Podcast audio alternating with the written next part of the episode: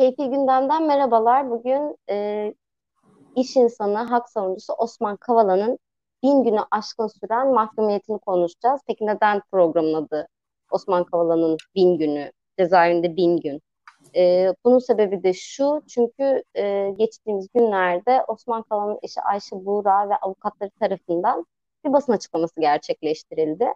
Ve Osman Kavala'nın bin gündür tutuklu bulunması, işte davasındaki duruşmalarındaki haksızlıklar, hukuksuzluklarla ilgili bir basın toplantısıydı bu. E, online Zoom üzerinden yapılan bir toplantıydı. E, ve burada işte biraz önce dediğim gibi Ayşe Buğra da aynı şekilde, avukatları da aynı şekilde e, detaylı olarak Osman Kavala'nın e, günlerini, davasını, duruşmalarını anlattılar. Bugün de konuğum Uluslararası Af Örgütü Kampanyalar ve İletişim Direktörü Tarık Beyhan. Hoş geldin Tarık. Hoş bulduk Büşra. Ee, Tarık uzun zamandır bu duruşmayı takip ediyor. Aslında Tarık bir sürü duruşmayı takip ediyor ama e, her duruşmasına gitti Osman Kavala'nın ve e, ne oluyor ne bitiyor çok da hakim konuya. E, öncelikle bu bin günlük tutukluluk için ne söyleyebiliriz Tarık? Yani zaten gözaltı süreci de bir garip tutuklanma süreci de bir garip. İddianamenin hazırlanması da bir garip. Ya ben şöyle başından itibaren ufak bir özetle başlamak isterim. Gerçekten çünkü bu durumun anlaşılması çok önemli. Ee, Osman Kavala 18 Ekim 2017'de e, İstanbul'a indiği uçağından gözaltına alındı. E, ve hakkındaki suçlamaları e, biraz daha geç öğrendi tabii. Gözaltı süresi de e, uzatıldığı için. 31 ee, Ekim günü yani yaklaşık 13 gün sonra e, sorgusu yapıldı Osman Kavala'nın. E, emniyette yapıldı bu sorgu. E, ve o andan itibaren aslında şey netleşmeye başlamış oldu tutuklama talebiyle e, hakimin önüne çıkartılana kadar.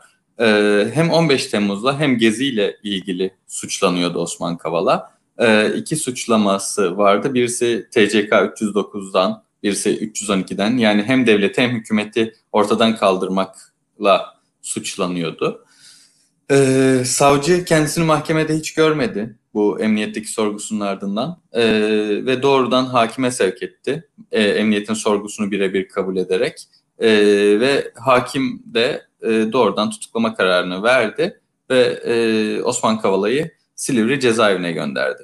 Şimdi e, bu iki suçlamadan bir tanesi olan e, devleti ortadan kaldırmaya çalışmak yani e, 15 Temmuz'la ilişkili suçlama bir süre sonra düşürüldü.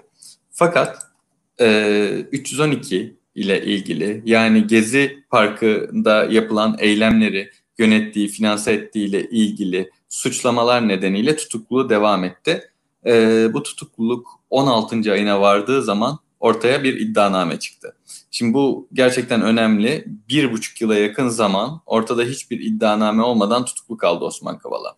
Osman Kavala'nın kendisinin dışarıya mektuplar gönderdiğinde anlattığına göre genel olarak bunun o hal döneminde yaşanan bir sıkıntı olduğunu ve hani her şey normale döndüğünde e, bunun kolayca anlaşılacağını ve hani rahatlıkla dışarıya çıkacağını düşündüğünü görüyoruz. Fakat sonucu öyle olmadı. Ee, daha sonra yapılan operasyonlarla bir sürü kişi Gezi davasına katıldı. Ee, bir sürü kişiyi Gezi davası nedeniyle e, gözaltına aldılar. Onlardan birini daha tutukladılar Yiğit Aksakoğlu'nu. Birlikte e, tutuklu kaldı ikisi de uzunca bir süre. Ta ki e, birinci e, duruşmaya kadar. Birinci duruşma görüldüğü zaman e, Yiğit Aksakoğlu serbest bırakıldı ama Osman Kavala tutuklu kalmaya devam etti.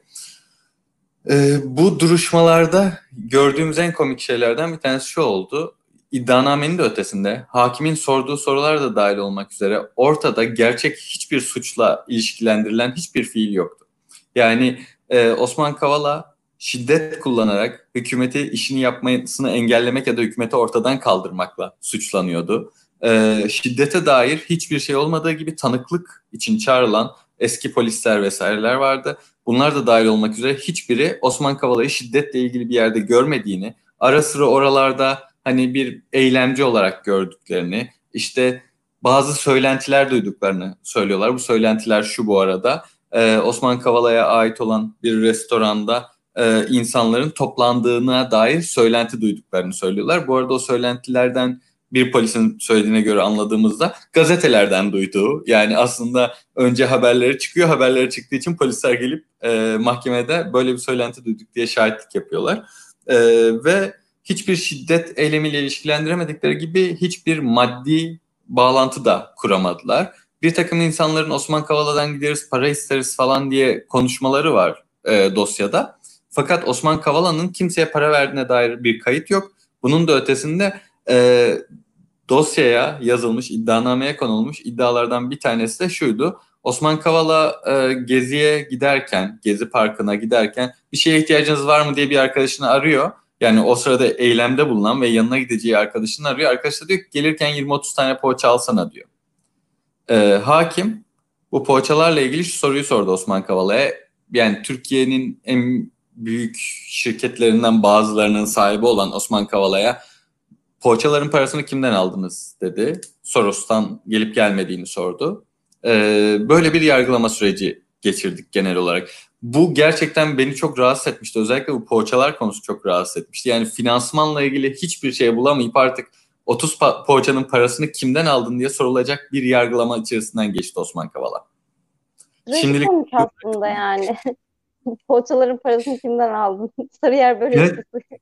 evet yani yani gerçekten çok komik çünkü yani bugünün e, fiyatıyla her ne kadar yani her şey çok pahalanmış olsa da bugünün fiyatıyla 3 lira bile desek 30 poğaça 90 lira. yani e, 90 lirayı Osman Kavala kendi cebinden ödeyebilecektir e, diye düşünüyorum. E, böyle bir yargılamaya maruz kaldı. E, arada şöyle şeyler yaşandı düzenli olarak.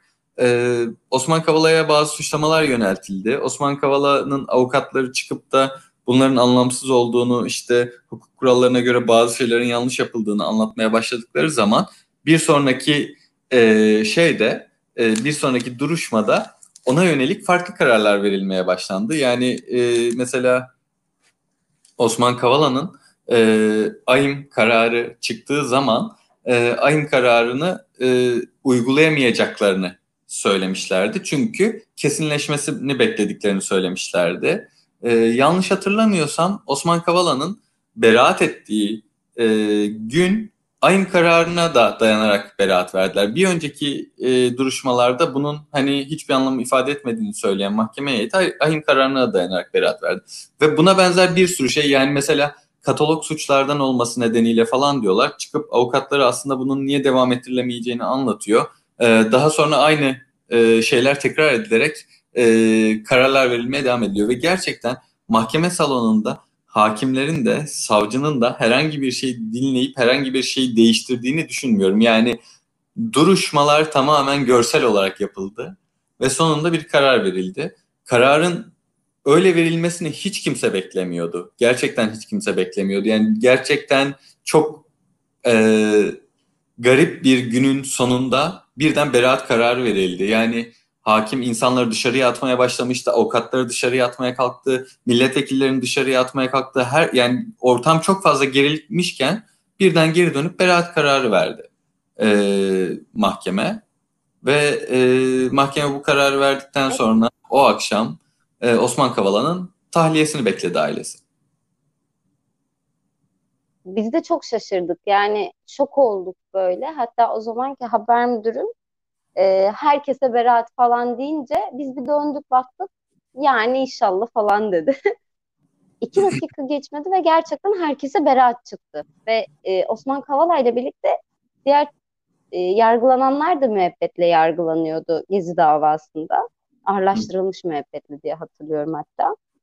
Arkasından gelen süreçte daha acıklı oldu galiba. Yani böyle insanların hevesi kursağında kaldı. Herkes e, şey oldu işte aynı günün akşamında bu sefer de başka bir suçlamayla gözaltına alındı Osman Kavala. Bu sefer de casusluk yaptığı iddiası vardı. Hı hı. Ondan e, aslında o akşam casusluk yaptığı iddiasıyla gözaltına alınmadı. O da dünyanın en garip Temmuz soruşturması evet, şöyle. Şimdi e, Osman Kavala'nın ilk tutuk kararı 309 ve 312'den verildi. Yani e, aslında işte 15 Temmuz soruşturması ve Gezi soruşturması diyerek e, yapılmıştı. AYİM kararı da bu ikisine dair. Yani AYİM kararı açık açık diyor ki ortada hiçbir somut şüphe yok e, ve e, hiçbir şekilde şu an ben mi yayından koptum Büşra mı diye düşünerek devam ediyorum. E, hiçbir şekilde e, bir somut delil yok, e, makul şüphe yok. Siz bu kişiyi siyasi olarak yargılıyorsunuz diyor aslında. E, iki tane farklı şey var, e, iki tane farklı maddeden veriyor aslında kararı Avrupa İnsan Hakları Mahkemesi. Bunlardan bir tanesi hani tutukluluğun haksızlığı ama diğeri de bayağı e, siz bu kişiyi siyasi olarak yargılıyorsunuz anlamına gelen 18. maddeden verilen bir karar ve bu çok nadir kullanılan bir madde. Bunun da geçerli bir nedeni var. Bir insanı bin gün boyunca içeride tutup e, hakkında hiçbir doğru düzgün iddiaya sahip olmazsanız bunun siyasi olmasından başka bir nedenini Avrupa İnsan Hakları Mahkemesi de bulamıyor. E, ve Büşra yokken ben devam edeyim.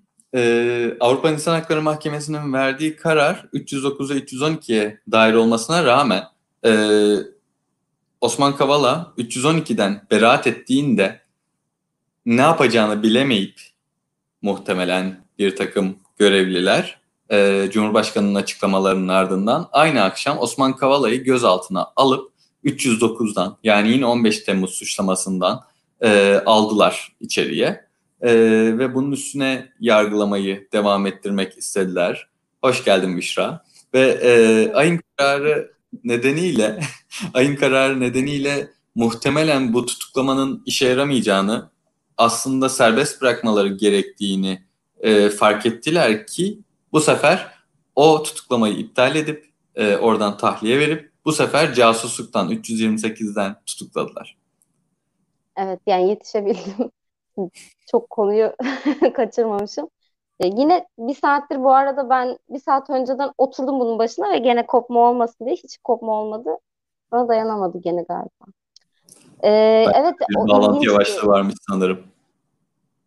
E, ya aslında genel olarak zaten upload hızlarında da bir problem olduğu için de oluyor bu e, galiba. Yani ben seni sen konuşurken yine duyabiliyorum ama bazen benim görüntüm gidiyor. Ya da bilmiyorum belki sende de tam tersi oluyordur.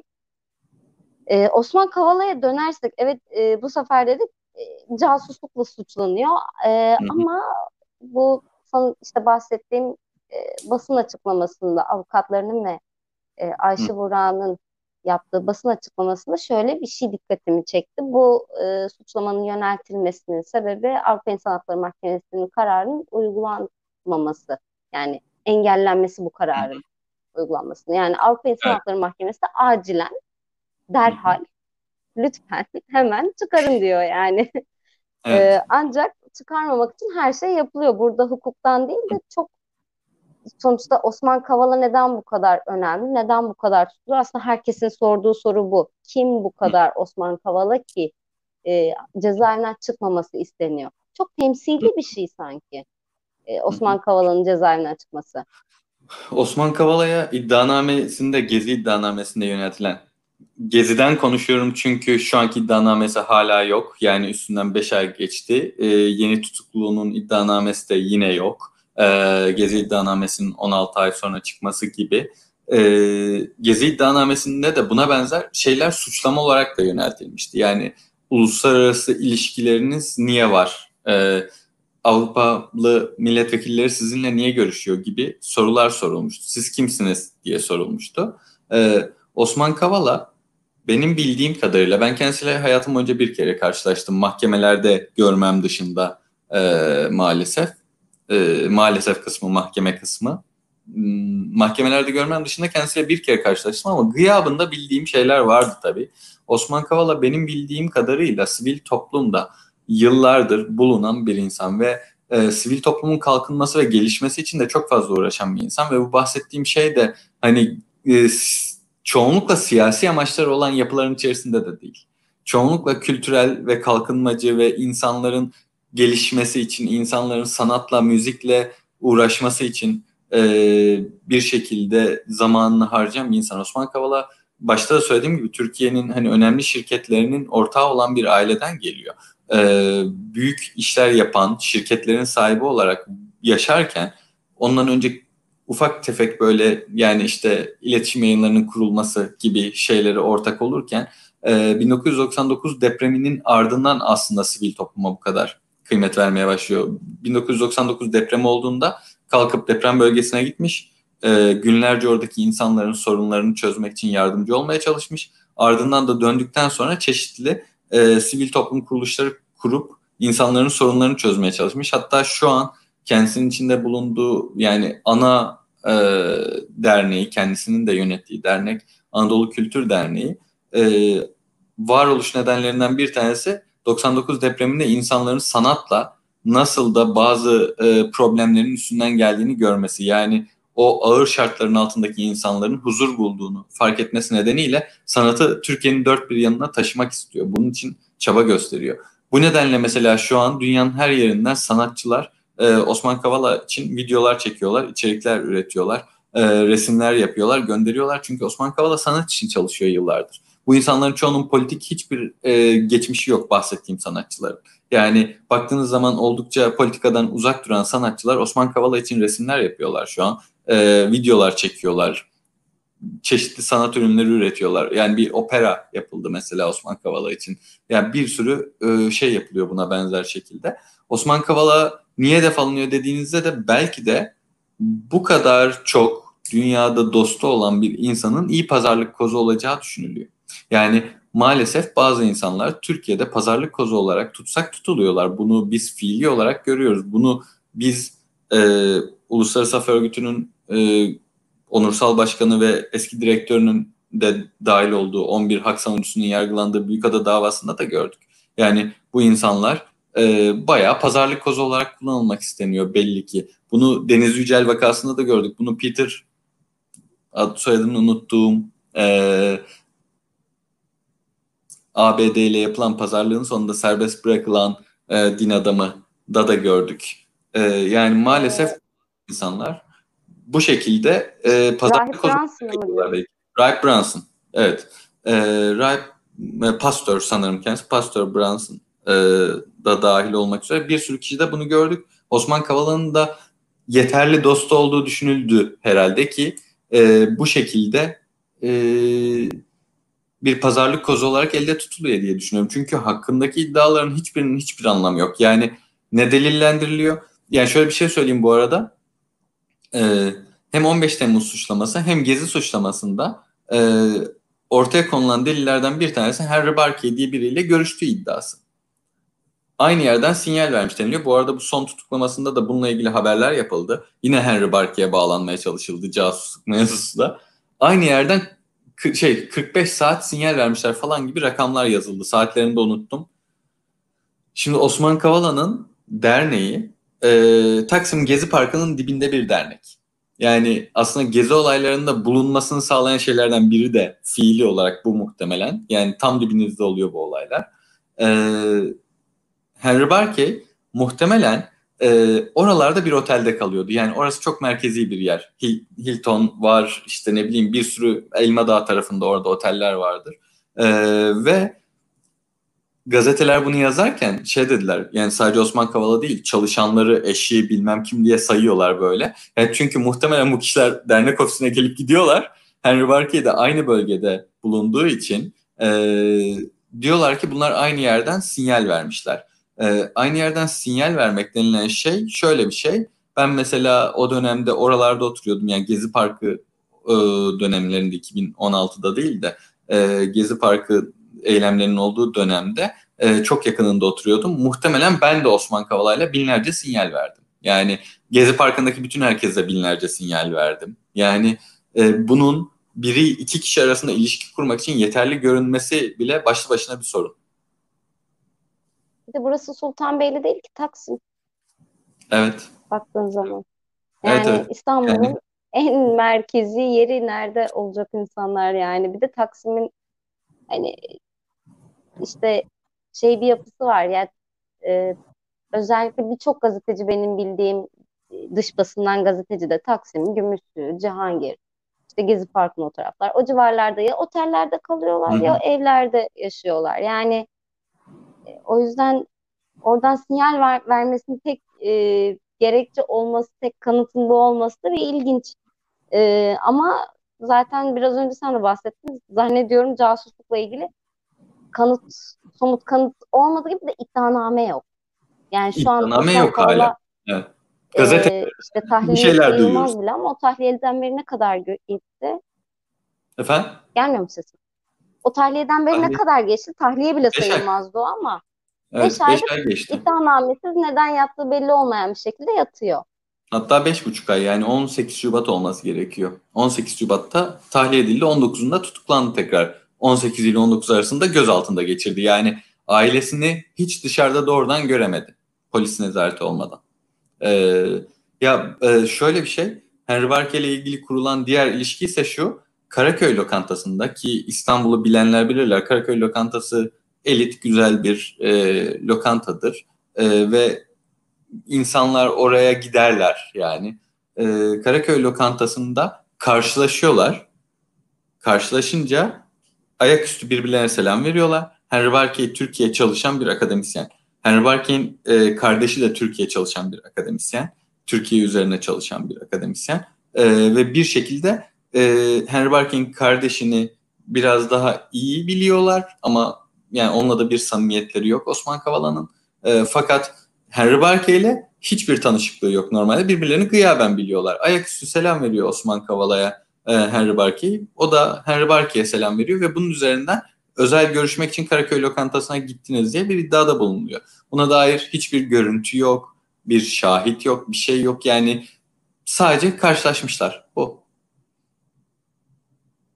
Çok ilginç gerçekten yani e, selam vermenin bile acayip karşılandı. Bir restoranda kimle sinyal vereceğinizi bilemezsiniz. Hı hı. Yani e, bu çok ilginç gerçekten zaten şey var ya e, artık hani inanamadığımız şeyler birilerinin hapishanede olması, cezaevinde olmasından ziyade neden, ne suçla, nerede cezaevine girebilir, işte tutuklanacağımız, gözaltına alacağımız, sonrasında cezaevine girebileceğimiz belli değil. Yani böyle bir durumla aslında karşı karşıyayız. Yani bunu yayından önce bir kere daha konuşmuştuk ama tekrar söylemek istiyorum. Geçen e, pazar günü pazar günü müydü? Evet, pazar günü kadınların bir forumu vardı Apasa Parkı'nda. Apasa Parkı'na polis izin vermeyince kadınlar da Barbaros, Barbaros şeyde meydanında yaptılar bu forumu. Polis müdahalesi olmadı. Yani polis bir gidin edin dedi bu çünkü işte trafik kapandı yürürken falan ama forum yapıldı gayet bir iki saat. İşte konuşuldu bir iki, iki saatten fazla olabilir hatta belki. Hı hı. Neyse dağıldık. Tesadüfen ben de bir arkadaşımla Beşiktaş'ta bir kafeye gittim. Sonrasında hı. ben hem haberi yazacağım hem de oturacağız biraz. Ee, forumun organizasyonda da olan, işte foruma da katılan birkaç kadın daha gördüm ben. Çünkü ben eylem haberlerinde gidiyorum, görüyorum yani artık e, aşinayım yüzlere. Hı hı. Onlar da aşağı oturdular yukarıda yer olmadığı için. Biraz sonra patırtı kütürdü koptu. Polis gelmiş gözaltına almış hepsini. Yani ben videosunu çektim aşağı indim hemen ama ya bu o kadar korkunç bir şey ki. Mesela şunu ben de biliyorum. Evet bu kadınları alacaklar. Hep öyle oluyor. Akşamına salacaklar belki. Hadi öbür güne. Ama burada korkunç olan şey kafede e, otururken birileri sizi gözaltına alabilir. Ve e, bir kılıfına uydururlar yani. Osman Kavala'da da bunu görüyoruz. Osman Kavala'nın yargılanmasında, birçok hak savunucusunun yargılanmasında, Büyükada davasında aynı şekilde. Şeyi hatırlıyor musun? Ee, Güneş Gazetesi manşet yapmıştı. Ee, bu Cumhuriyet davasına davası için bir WhatsApp grubu kuruluyor. 22 Temmuz'da hepimiz özgürüz diye. Hı hı. İddianame sızdırılıyor. Bunlar da bu WhatsApp grubunu darbe yapacak bunlar sanıyorlar. Hı hı. Manşetten bütün WhatsApp grubunda kim var kim yok verdiler. Böyle bir ülkedeyiz ve e, takvim, güneş, işte biliyorsun gazeteleri bunlar yayınladı. Mesela bu WhatsApp grubuna nereden erişilmiş? Büyükada davasında işte e, o anda toplantı salonuna girince birileri birinin WhatsApp grubu açıkmış falan. Oradan bulmuşlar ve WhatsApp grubundan darbe örgütlenebileceğini düşünüyorlar. Yani ya gerçekten bu kadar geri zekalılar mı? Bilinçli olarak böyle bir yıldırmaya mı çalışıyorlar? Ben bunu çok anlamıyorum açıkçası. Ee, yani şöyle e, Osman Kavala'nın bu tahliyesini yani beraat edip tahliye edilmesinden hemen sonra tutuklandığı zaman kendisine yöneltilen suçlamalardan bir tanesi işte bu Henry Barkey mevzusuydu. Ama yönelttikleri suçlama Osman Kavala'nın ilk tutuklandığında ona sorulan ve farklı şehirlerde olduğu sabit bir şekilde belli olan yani o gün yani Henry Barkey ile şu gün görüşmüşsünüz diyorlar. Osman Kavala diyor ki hayır görüşmedik. Bak hani ben şu şehirdeydim diyor. Bahsettiğiniz şehirde değildim. Bu bir şekilde ispatlanıyor. Ee, iki yıl sonra tekrar tutuklamaya kalktıklarında Osman Kavala'yı tekrar aynı suçlamayla tutukluyorlar mesela. Şimdi böyle şeyleri gerçekten e, gördüğüm zaman şeyi düşünüyorum. Burada herhangi bir çaba da yok. Yani ne bileyim ben daha önce çok fazla hukuksuz yargılama insanlara bayağı kötülük etmek için kurgulanmış dava gördüm ama e, Osman Kavala davasında özellikle Osman Kavala'ya yöneltilen suçlamalarda bu Büyükada davasında da geçerli. E, ya yazmaya bile uğraşmıyorlar. Yani oraya gerçekten bir suçlama yazmaya, suçlama uydurmaya bile uğraşmıyorlar. Yani gerekçeli kararlarda da bunu aslında görüyoruz bir şekilde. Mesela Büyükada davasının gerekçeli kararı çıktı. Gerekçeli karara baktığınız zaman gerekçe yok kararda. Ve e, bir önce yani son duruşmada ki e, yargılanan, beraat ettirilen ama yargılanan hak savunucularından bir tanesi olan Necat Taştan şey demişti. Ya kararın ne olduğundan çok yani beraat edebilirim, ceza da alabilirim. Gerekçesini merak edeceğim ben demişti. Gerçekten gerekçeli karara baktığımız zaman gerekçe yok. Yani iddianame sıralanmış. İlk çoğunlukla ilk duruşmadaki, ilk bir iki duruşmadaki savunmalar konulmuş. E, delillerin yani savunma tarafından sunulan ve dosyaya eklenen delillerin hiçbirisine değinilmemiş neredeyse. Bilirkişi raporlarına neredeyse hiç değinilmemiş. Ve en sonunda da gerekçe yazmadan e, iddianamedeki e, ve mütaladaki kısa kısa verilen şey neredeyse tamamen copy paste yapılıp e, bunun üzerinden bu nedenle ceza verdiklerini söylemişler. Yani biz bunu inceledik ve şöyle bir e, hükme vardık, böyle bir karara vardık, böyle bir kanaatimiz oluştu falan denilmemiş. Aslında bunu işte Osman Kavala davasında gördüğümüz şeyle aynı şey. Hiçbir şey üretmeye, oraya bir yani bir uğraştır bizi. Mesela biz anlamaya çalışalım. Doğru mudur, yanlış mıdır bakalım falan. Ya böyle bir şey bile yok. Ee, ya gerçekten herhangi bir e, ortalama düşünme kapasitesine sahip insan o iddianameleri, o suçlamaları, o ne bileyim haberleri, e, o kararları okuduğunda zaten bunların zırvadan öte olmadığını görecek. Yani gerçekten sadece zırvalık, hukukla alakalı hiçbir şey dönmüyor bu mahkemelerde. Bu bahsettiğim yargılamalar için söylüyorum. Hukukla hiçbir alakası yok. Yani tutuklanmalarının da hukukla alakası yok, serbest bırakılmalarının da hukukla alakası yok.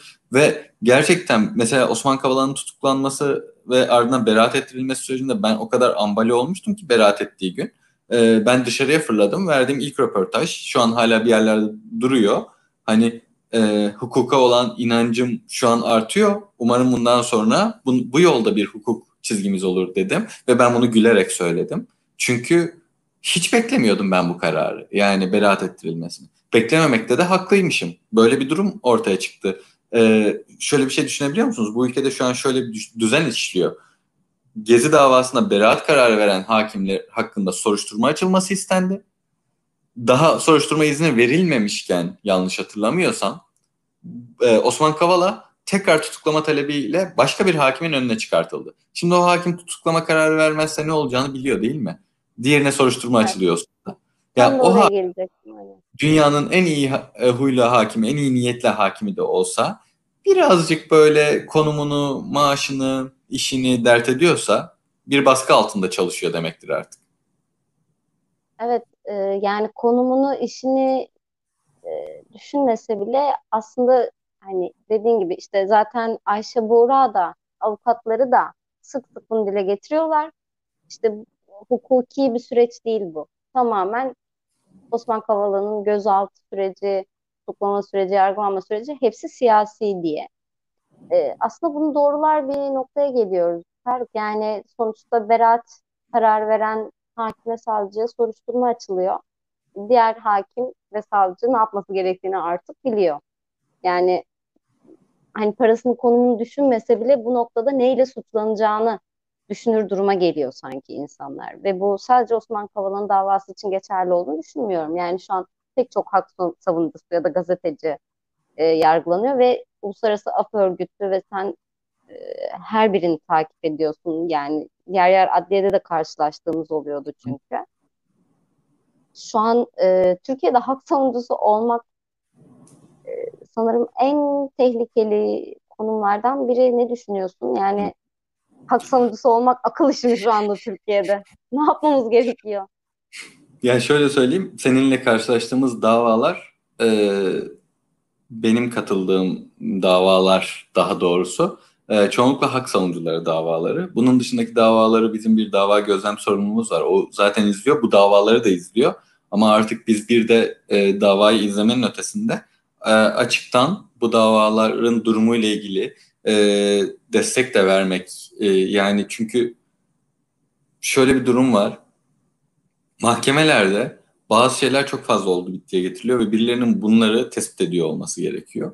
E, o amaçla dava gözlem yapıyoruz. Fakat bunun da ötesinde bir de e, destek amacıyla yani insan hakları mücadelesine dair bir destek amacıyla benim de içinde bulunduğum ba- e, bazı delegasyonlar halinde bazen davalara gidiyoruz. Yani beni e, mahkemelerde sık görüyorsun ama sık gördüğün şeyler bizim uğraşmak zorunda kaldığımız vakaların sadece %10'u falan. Bunun dışında mahkemelerden neredeyse çıkamayan bir arkadaşımız var. Ayrıca bir de öyle kişi çalışıyor yani. E, bu sürecin böyle olmasının nedeni de e, yargı sisteminin artık nasıl işlediğine dair insanların öngörülü olamaması. Yani şunu söyleyeyim ben ülkedeki insanların büyük bir kısmının çok cesur davrandığını düşünmüyorum. İnsanlar aslında çok kontrollü davranıyorlar. Çok fazla otosansür var. Bunlar buna rağmen oluyor. Yani öngöremiyorlar artık. Yani insanlar öngörseler belki ona göre davranacaklar. Artık öngörülebilir bir sistem yok hukukta. Yani kanunlara bakarak neyi yapıp neyi yapamayacağınıza karar veremiyorsunuz. Çünkü kanunlarda yazanla mahkemede verilen kararların hiçbir alakası yok. Yani diyorum ya Osman Kavala iddianamesinde de mütalada da iddianamede olabilir bu belli oranda. Yani savcı bir şeyler iddia eder ama en sonunda mütalaya gelindiğinde savcı der ki ya bunlar çürütüldü mahkemede artık bu iddiamdan vazgeçiyorum der mesela. Mütalasında da şiddet kullanarak hükümeti devirmekten bahsetti mesela. Yani hiçbir şekilde şiddet kullanına dair hiçbir şey yazmadığınız bir kişinin şiddet kullanarak hükümeti devirdiğini iddia ederek, devirmeye kalktığını iddia ederek e, hakkında yargılama yapıyorsunuz. Hak savunuculuğunun Türkiye'de tehlikeli olması durumu da yeni bir şey değil. O kısma da gelebilirim. Yani Türkiye'de yıllardır hak savunucularının baş, başına bir sürü şey geliyor. Bu yani bugün e, oluyor bu sadece dersem e, birazcık hadsizlik etmiş olurum gibi geliyor. Yani e, bunun geçmişini sadece 5-10 yıl öncesine değil, 20 yıl öncesine değil, 50 yıl öncesine değil, daha da geriye de götürmek mümkün. Osmanlı dönemlerine kadar götürmek mümkün. Ee, bir şekilde diğer insanların hakları için mücadele eden kişilerin başlarına çok fazla şey geldi bu topraklarda. Ee, fakat dünyada da görüyoruz, dünyada da geliyordu bu. Ee, eskiden dünyanın bazı yerleri, başka yerlerinde de bu oluyordu ama giderek azalıyor bu. Ee, ne sayesinde azalıyor? Aslında hak savunucularının mücadelesi sayesinde azalıyor. Evet bazı insanların başı derde giriyor arada ama bazı insanların başı derde giriyor diye ses çıkartmaktan vazgeçtiği zaman e, insanlar yani hak savunuculuğundan vazgeçtiğiniz zaman e, artık savunabilecek kimse kalmayacak size. Benim çok sevdiğim bir video vardır. Bir e, çok ünlü hikayeden oluşturulan Hani şu e, önce e, işte rahipler için geldiler, e, kimse ses çıkartmadı. Sonra Yahudiler için geldiler, kimse ses çıkartmadı falan diye. E, onun videosunu e, geride kimse kalmamıştı diye sanırım YouTube'da bulmaları mümkün arkadaşların. E, sonunda gerçekten sizin için ses çıkartacak kimse kalmayabilir. Yani bunu her gün aslında Twitter'da Facebook'ta, haber sitelerinde de görebiliyorsunuz. Yani bundan e, bir iki sene önce e, ses çıkartmayan hatta belki bazı hukuksuzluklara destek veren insanların bugün başının yandığını görebiliyorsunuz. Bugün bu sefer o kişinin hakkı için mücadele etmek zorunda kalıyoruz. E, ama yani bugün sesini çıkartmayan herkes artık yarın mücadele edilemeyecek bir ortam yaratılmasına sebebiyet veriyor. O nedenle insan haklarını savunmak için hukuku savunmak için bugünden ses çıkartması gerekiyor insanların.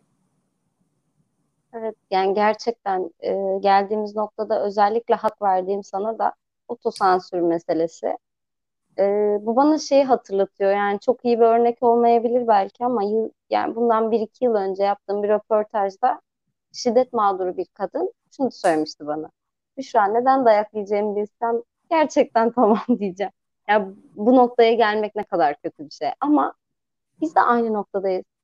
Neden cezalandırıldığımızı bilsek belki buna önlem alabiliyor olacağız ama tweet atmaya korkuyor insanlar.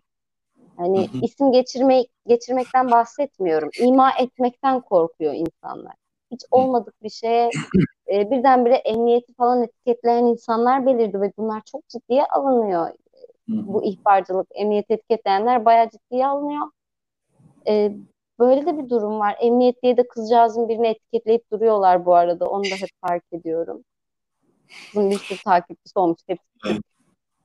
Evet. Ee, bir de DM'den bana bir soru gelmişti. Bunu biraz aslında konuştuk ama tekrar açıklamak ister misin?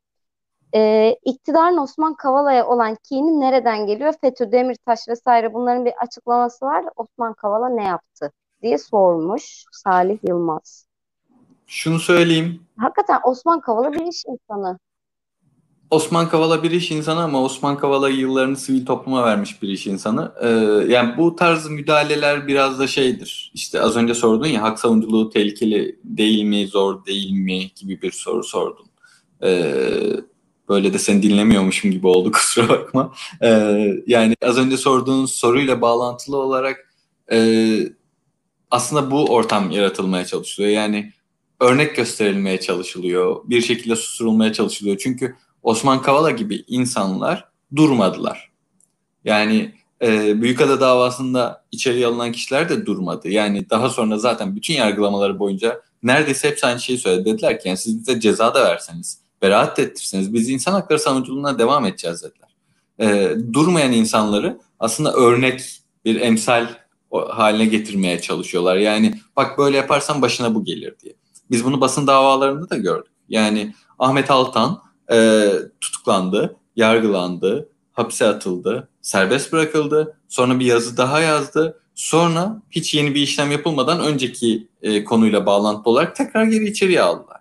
Çünkü susmadı. Yani e, o kişinin fikri, ne yapmaya çalıştığı vesaireden bağımsız bir şey anlatıyorum aslında burada. Yani eğer ki inat ediyorsanız, devam ediyorsanız emsal olmanız için, diğerlerine örnek olmanız için e, bir şekilde sizi sergilemek istiyorlar. Biraz ben böyle bir şey görüyorum burada. Yani diyorum ya mesela Büyükada davasından yine burada örnek vermek istiyorum.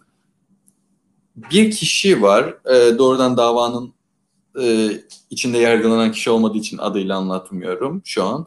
Bu kişi e, Baylok kullandığı iddia edilen, birisiyle görüştüğü iddia edilen bir kişiyle görüştüğü için e, FETÖ'cü olmak suçlamasıyla yargılanıyordu. Yani A kişisi B kişisiyle görüşüyor. Bu B kişisi de önemli bir profesör bu arada.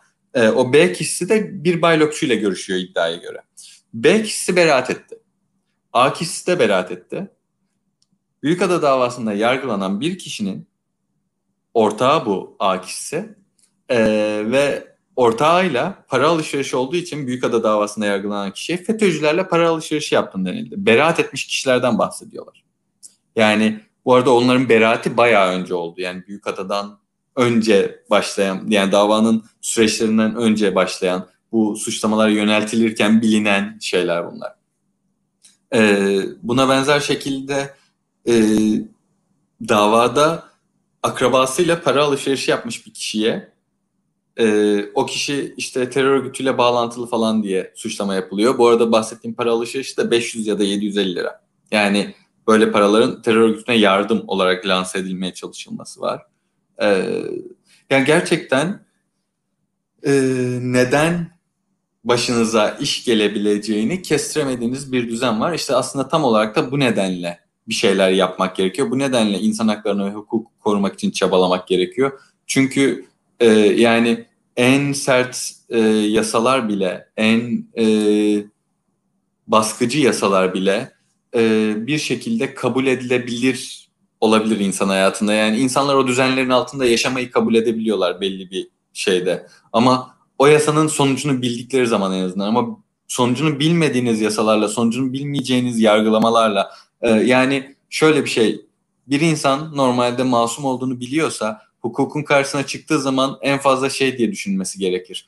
Ya olur da masumiyetimi ispatlayamazsam karşıdakinin de ciddi bir delil bulması gerekiyor. Yani bana suç atabilmesi için. Hani çok ciddi bir delil olması gerekiyor diye düşünüp içinin rahat olması gerekiyor. Çünkü mas masum olduğunuzu ispatlamak zorunda değilsinizdir. Mesela Osman Kavala'ya e, Gezi döneminde şiddet olaylarını kınayan e, herhangi bir tweet attınız mı, görüş bildirdiniz mi gibi bir soru sordular. Masumiyetini ispatlamasını istediler mahkemede. Yani bu soruyu soran kişi hakim. Yani e, bu herhangi bir e, yargı düzeninde bir insanın bir hukuk devleti olduğu iddia edilen bir yerde bir yargı düzeninde bir insanın gündelik yaşantısını sürdüremeyecek hale gelmesi demek. Yani şöyle bir şey yaşıyorsunuz mesela. Trafikte giderken işte sinyal vermeden önüme kıran kişiyi şikayet etsem mi etmesem mi? Kimin başı derde girer acaba diye düşüneceğiniz bir düzen çıkıyor ortaya.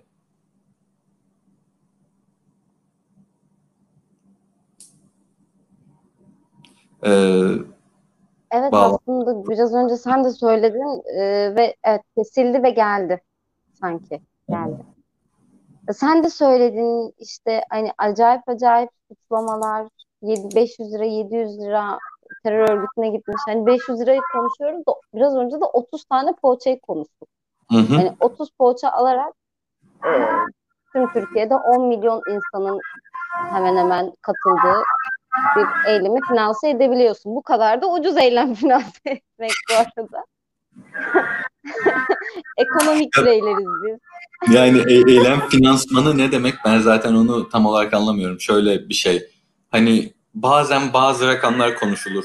Türkiye'de bazı şeyleri harekete geçirdiği iddia edilen fonlar vesaireler. Bunlar çok komik rakamlar. Yani şöyle bir şey. Sizin devletinizin güvenlik bütçesini bir yana koyuyorsunuz.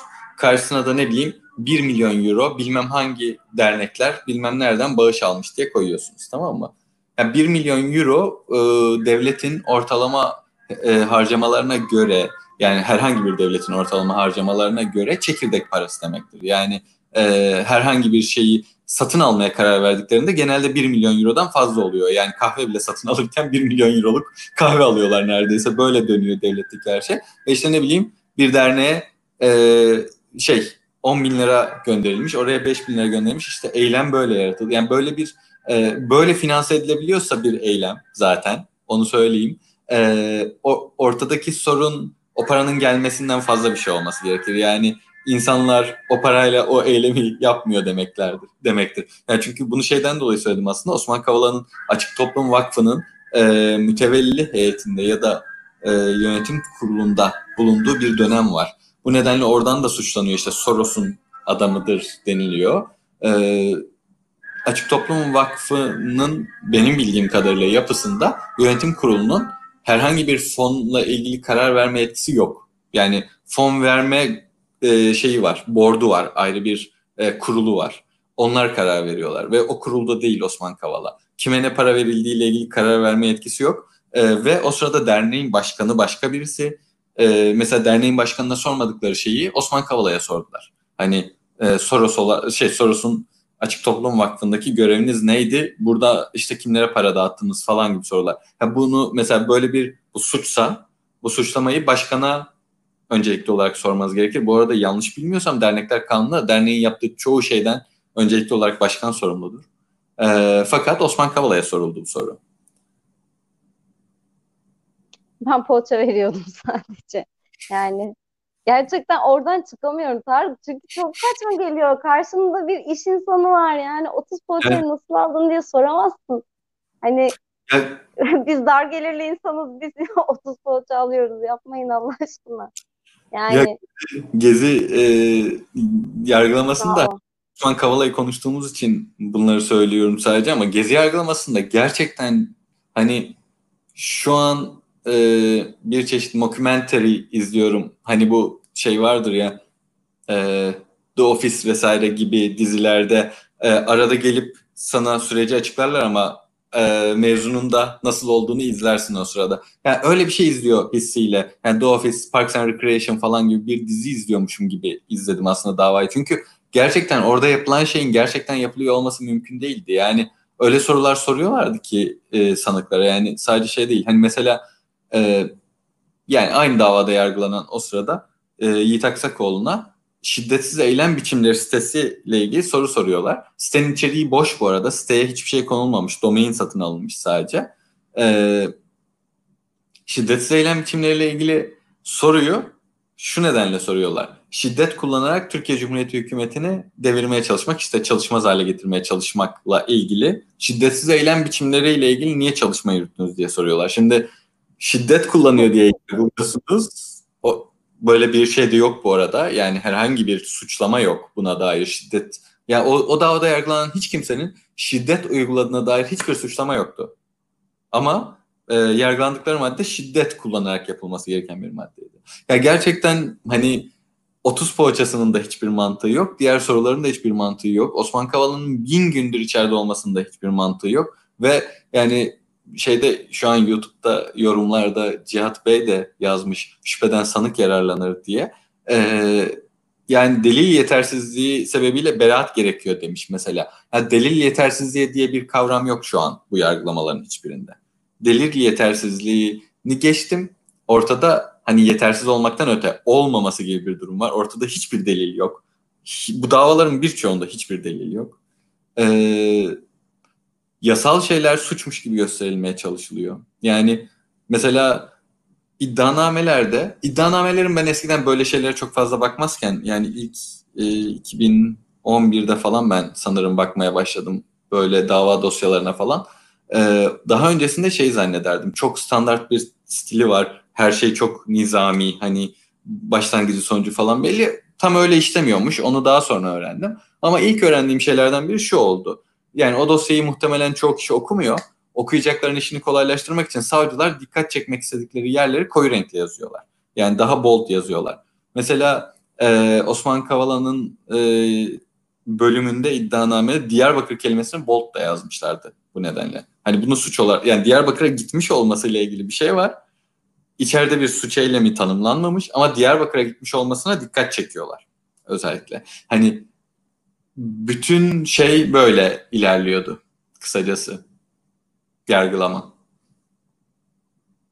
Evet aslında gerçekten ya böyle sen bahsediyoruz böyle iki saattir konuşuyoruz ama yani şey de hani e, biraz önce dediğin örnek verdiğin gezi duruşmasındaki mevzu da hani şiddet eylemi şiddet. yapmak, ne bileyim şiddetle eylem yapmak, bilmem neden yargılayıp niye şiddet yapmadın diye sormak, niye şiddetsiz eylem yapmaya çalışıyorsun evladım diye sormak yani. Bunlar da çok ilginç. Tekrar Osman Kavala özeline dönersek peki, 48 dakika olmuş bu arada. Bayağı da konuşmuşuz. E, ama e, koronavirüs sebebiyle de aslında cezaevlerindeki koşullar nedir ne değildir, güvenli midir, Osman Kavala'nın koşullarıyla ilgili senin bir bilgin var mı? Ee, yani şöyle, e, Osman Kavala'nın özelinde çok net bir bilgim yok. E, sanırım ki dünkü açıklamada avukatları e, anlattılar biraz fakat ben maalesef açıklamayı dinleme şansı bulamadım daha. E, fakat genel olarak e,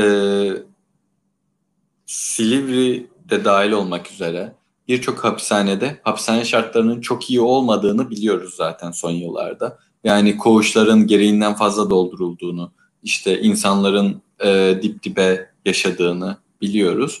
Bu son yapılan infaz düzenlemesiyle birçok insan ya izne çıkartıldı hani ya da e, tamamen denetimli serbestlikle salındılar. E, fakat buna rağmen Covid şartları açısından durumunun çok iyi olmadığına dair bazı şeyler e, kulağımıza geliyor tabii. Özellikle yani e, hijyen sağlamaya yönelik yeterli materyal olmadığı, e, hani istenilen e, besinlere ulaşılmasının zorlukları gibi. Yani özellikle Covid döneminde işlerin iyice kötüleştiğine dair bazı şeyler geliyor kulağımıza. Osman Bey ile ilgili bu durumları ne kadar biliyorlardır bilmiyorum. Çünkü Osman Bey'in e, garip bir huyu var. Hapishanedeyken de kendisinden çok başkalarıyla ilgili dert yanıyordu. E, yani böyle bir vaka da var. Bir arkadaşımız kendisini ziyarete gittiği zaman ya biz idare ediyoruz hani e, yemekler kötü olursa kantinden alıyoruz ama burada maddi durumu kötü olan arkadaşlar su bile bulamıyorlar falan gibi başka e, insanların durumunu şikayet etmeye devam ediyordu. Böyle bir huyu olduğu için durumuyla ilgili avukatları bile net bilgi sahibi olmayabilir bilmiyorum ondan dolayı. Tarık çok teşekkür ederim. İyi ki katıldın yayınımıza. Ee, böyle dolu dolu bir 50 dakika geçirmiş olduk. Ee, Osman Kavala, diğer hak savunucuları, e, Gezi davası, Büyükdalı davası hepsini konuştuk aslında. Ee, yani Türkiye'de çünkü bu otoriterleşmeden herkes ayrı ayrı nasibini aldığı için hani birinden yola çıktığın zaman hepsini konuşuyorsun yani bir şekilde.